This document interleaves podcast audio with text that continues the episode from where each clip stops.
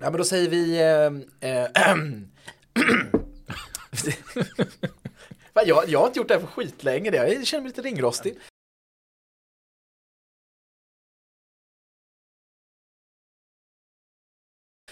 Vi säger hjärtligt välkomna till den eh, något slumrande Kalmar FF-podden. Marcus, du, du, eh, har, har du hört Kalmar FF-podden?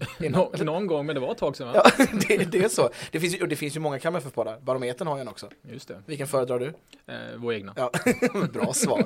Eh, välkommen Marcus Rosenlund, ny klubbchef eh, för eh, Kalmar FF. Hur är läget? Ja, men det är väl... Um... Ja, säg som det är nu. Det är, det är dagen efter match. Vi har fått stryk mot Elfsborg. Eh, Ut med det. Det är junk. Ja. Nej, men det är så är det. Man måste ha en dag att sörja också och liksom någonstans uh, få, få, få gnälla av sig lite tillsammans med alla och sen uh, liksom någonstans hämta energi och fokusera framåt. Helt rätt. Mm. Men du var lite tjurig förut där. Ja, jag varit tjurig då. ja, ja, man gillar det ändå. Alltså, ja. det är ju liksom är det viktigt att, eh, att organisationen avspeglar sig även i, i det sportsliga? Liksom? Ja men det är väl klart, vi är ju en fotbollsförening, vi är en elitförening så det är klart att uh, idrotten speglas. Uh, jag själv efter matchen igår tog stack ut och sprang. Uh, mm. Bara för att liksom någonstans ventilera. Jag tror det är jätteviktigt att man ventilerar och då kan man göra det via fysiskt eller kan man göra det via att man pratar om det. Ut med grejerna, upp med grejerna och sen så kan man ta nästa steg. Det, det, känns som att du ändå passar in väldigt bra här. Alltså om jag, om, om jag nu utifrån bara får göra en liten analys så, så du, du, eh, ja, men du började någon gång i augusti. Yes, mitten av augusti. Ja, och liksom gått rakt in i startelvan och, och levererat från dag ett. Det är min bild då. Hur, hur, känner du själv? Nej, men det är väl, eh, man kan väl säga att jag trivs jättebra uppe. Eh, ett fantastiskt gäng att jobba med, både med de som är i, eh, på kontoret, sportkontoret och eh, hela, hela sportavdelningen. Men sen också alla glada tillrop man får på, man möter människor, för det är faktiskt många som kommer fram och pratar och det är jättetrevligt. Och de, de verkligen stödjer en. Nej men det jag trivs bra och ja, men, jag är nog ganska enkel som person också tror jag. Och jag med. Men varför tog du det här jobbet? Ja men jag gillar utmaningen. För du hade det väl rätt bra? Ja, jag hade det mycket bra. men det har ju onekligen varit så att eh, det är rakt in i hetluften eh, på alla sätt och vis. Hur har den första tiden varit i, i Kalmar FF tycker du? Eh, mycket att sätta sig in i allting såklart. Eh, ekonomin har varit jätteviktig för mig. Eh, jag har alltid tillämpat en tes, om du, om du vet var du står någonstans så är det enklare att ta beslut. Eh, så det var en av de första sakerna som jag la fokus på. Eh, tycker att det har gått eh, bra. sen såklart faller det på pusselbitar hela tiden ehm, utifrån hela föreningens uppbyggnad och vad vi jobbar med och hur vi kan skapa värden. En sak som jag fascineras av egentligen från dag ett när, när jag satt mig djupare in i det, Kalmar FF med hjärtat. Eh, som eh, tidigare kanske inte har varit så tydligt marknadsförd från vår sida. Jag tycker vi har börjat synas bättre och höras bättre för det är ett fantastiskt eh, samhällsengagemang vi gör. Där vi ger tillbaka massor. Så det, det har varit liksom verkligen sådär wow, här finns någonting som ger tillbaka någonting till regionen, till, till staden och till Kalmar. Ehm, som gynnar unga, barn, unga vuxna, även faktiskt för jobbat med vissa delar inom äldrevården också. Så att jag menar, det, det är någonting fantastiskt. Det känns som att eh, spelarna är mer aktiva än någonsin i, i det här sociala arbetet. Ja, nej men eh, vi åker ut till skolor idag och läser för dem. Och då är det ett spelare som gör det. två stycken åt gången och jag kan bara säga att om, om, barnen tycker det är fantastiskt kul så vet jag också att spelarna uppskattar det. de får, får träffa barn i miljö, i deras skolmiljö och sen får de också ut på rasten och spela fotboll.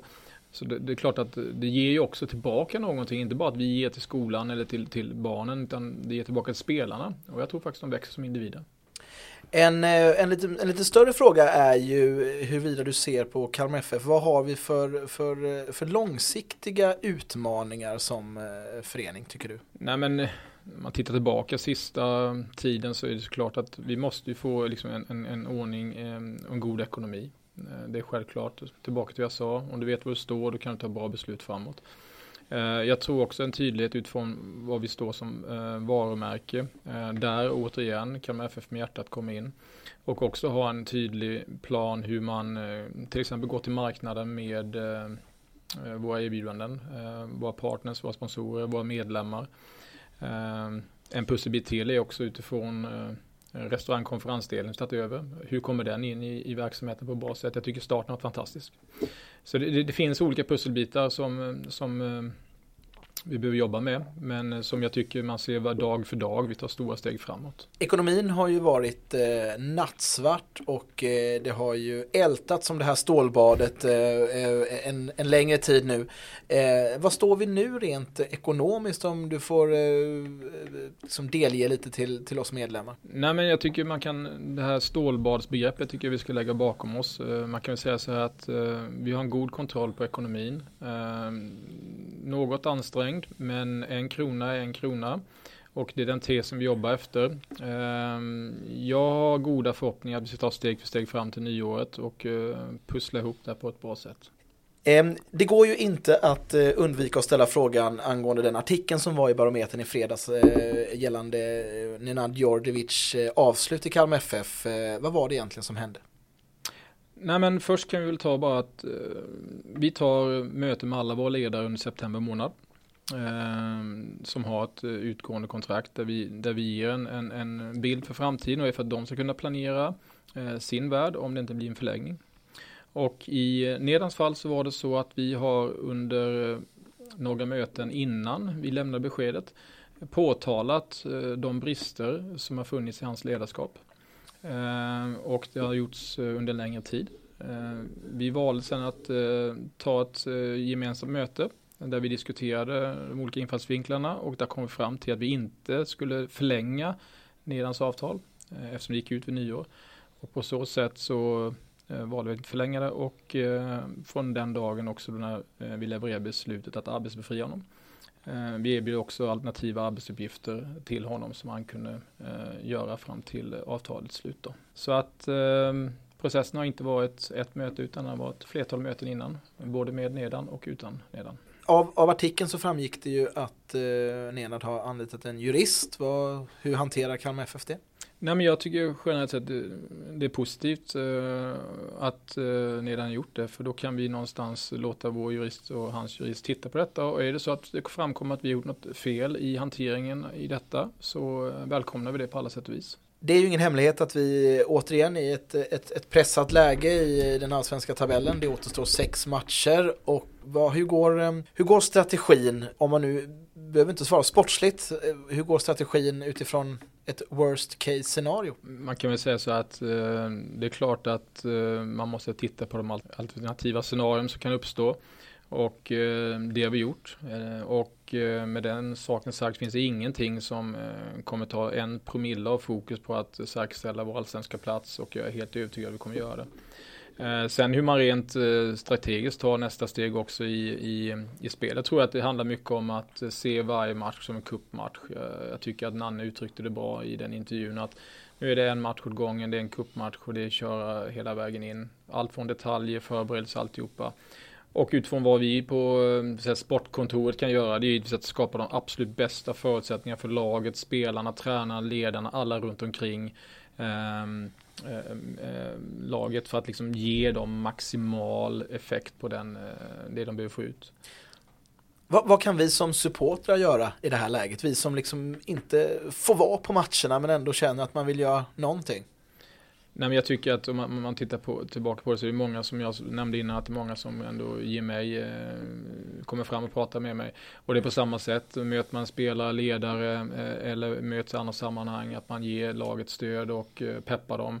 Eh, alla glada tillrop hjälper, jag kan lova dig. Eh, alla positiva signaler man får hjälper. Eh, det är ingen snack om saken, så jag, jag uppmuntrar egentligen bara alla till att peppa oss så mycket det går som förening. Så vi lyckas eh, ta oss igenom det här på bästa möjliga sätt och eh, så ser vi fram emot till 2021 i Allsvenskan. Finns det några andra nyheter förutom Kalmar FF med, med hjärtat som du nämnde i början? Vad, vad är mer på gång i, i Kalmar FF? Nej men någonting som är glädjande att se är ju att sen vi tog över konferens och eventdelen så rullade ju in konferenser mer än min, vad jag kunde förvänta mig. Och eh, vi får förfrågan egentligen dagligen från olika typer av företag, organisationer, föreningar som vill boka sin konferens.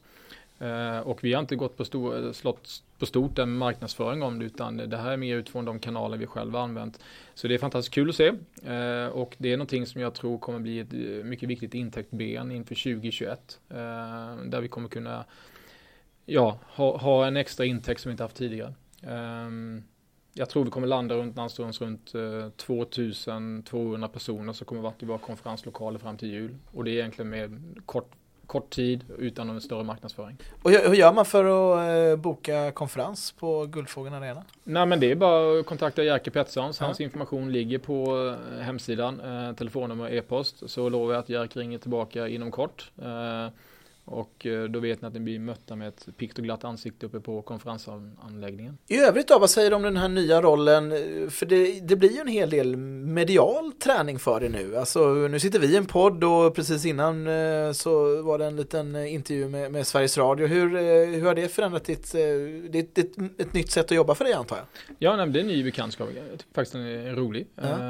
Det är alltid intressant att se vilka frågeställningar man ska få det är väl, eh, kan vara en utmaning ibland. Eh, ibland får man svåra frågor, ibland får man lätta frågor.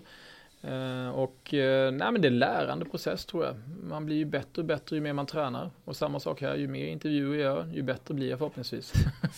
Mycket bra. Hur, är det relationen med, med resten av fotbollssverige om, om man, man, lyfter blicken lite och tittar på, på de andra svenska fotbollslagen? Vad, har, du, har du hunnit knyta några kontakter med andra klubbchefer? Jag har knutit någon eh, kontakt med Örebros klubbchef. Eh, sen har jag haft lite dialog med SEF då, med Mats och andra personer uppe eh, såklart. Eh, där man inhämtar information eller ber om råd i specifika frågor. Så att jag tycker att eh, fotbollssverige är ett, eh, det är verkligen ett, eh, en, en, vad ska man säga, en kamratlig eh, stämning. Kanske fel ord, men det, det, det är i alla fall enkelt att jobba. Ja. Uh, enkelt att få svar. Jag tycker de, de, de är fantastiska och SEF gör ett förbannat bra jobb. Uh, tycker jag. För den nyfikna nu då, för jag vet att eh, den här frågan kommer upp ibland på stan. Hur, uh, hur mycket mindre pengar får Kalmar FF i centrala avtal om man spelar i Superettan istället för Allsvenskan? 10 miljoner. Säg runt eh, 20 miljoner i Allsvenskan, runt 10 miljoner i Superettan beroende på hur grann man placerar såklart. Det är en prestationsdel också i Superettan. Har du någonting att säga om, eh, om engagemanget från våra samarbetspartners under säsongen som varit? Det är ändå många som, som eh, har investerat i marknadsföring och paket och upplevelser här på Guldfågeln Arena, vilket det liksom inte har blivit så mycket av. Vad, hur, hur långt bort från, från en eventuell budget är vi egentligen? Nej, man kan ju säga först och främst så här att eh, som jag benämnde tidigare så, så har vi fått en god kontroll på ekonomin och vi kämpar för att gå i hamn med allting. Men utan våra sponsorer, partners, supportrar, medlemmar, eh, det att allting från softbiljetter, swishmål så hade vi inte varit där vi är idag och jag är extremt, extremt tacksam för det stödet hela staden visar upp för oss, jag måste säga det.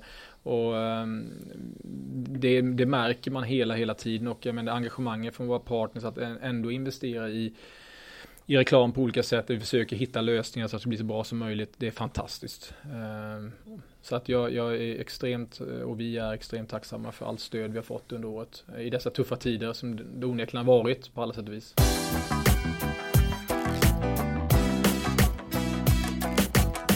Du har lyssnat på Kalmar FF-podden med mig Martin Bergvall Nilsson. Har du några frågor eller funderingar, tveka inte att höra av dig till oss. Ni vet var vi finns och ni hittar alla våra kontaktuppgifter på kalmarff.se.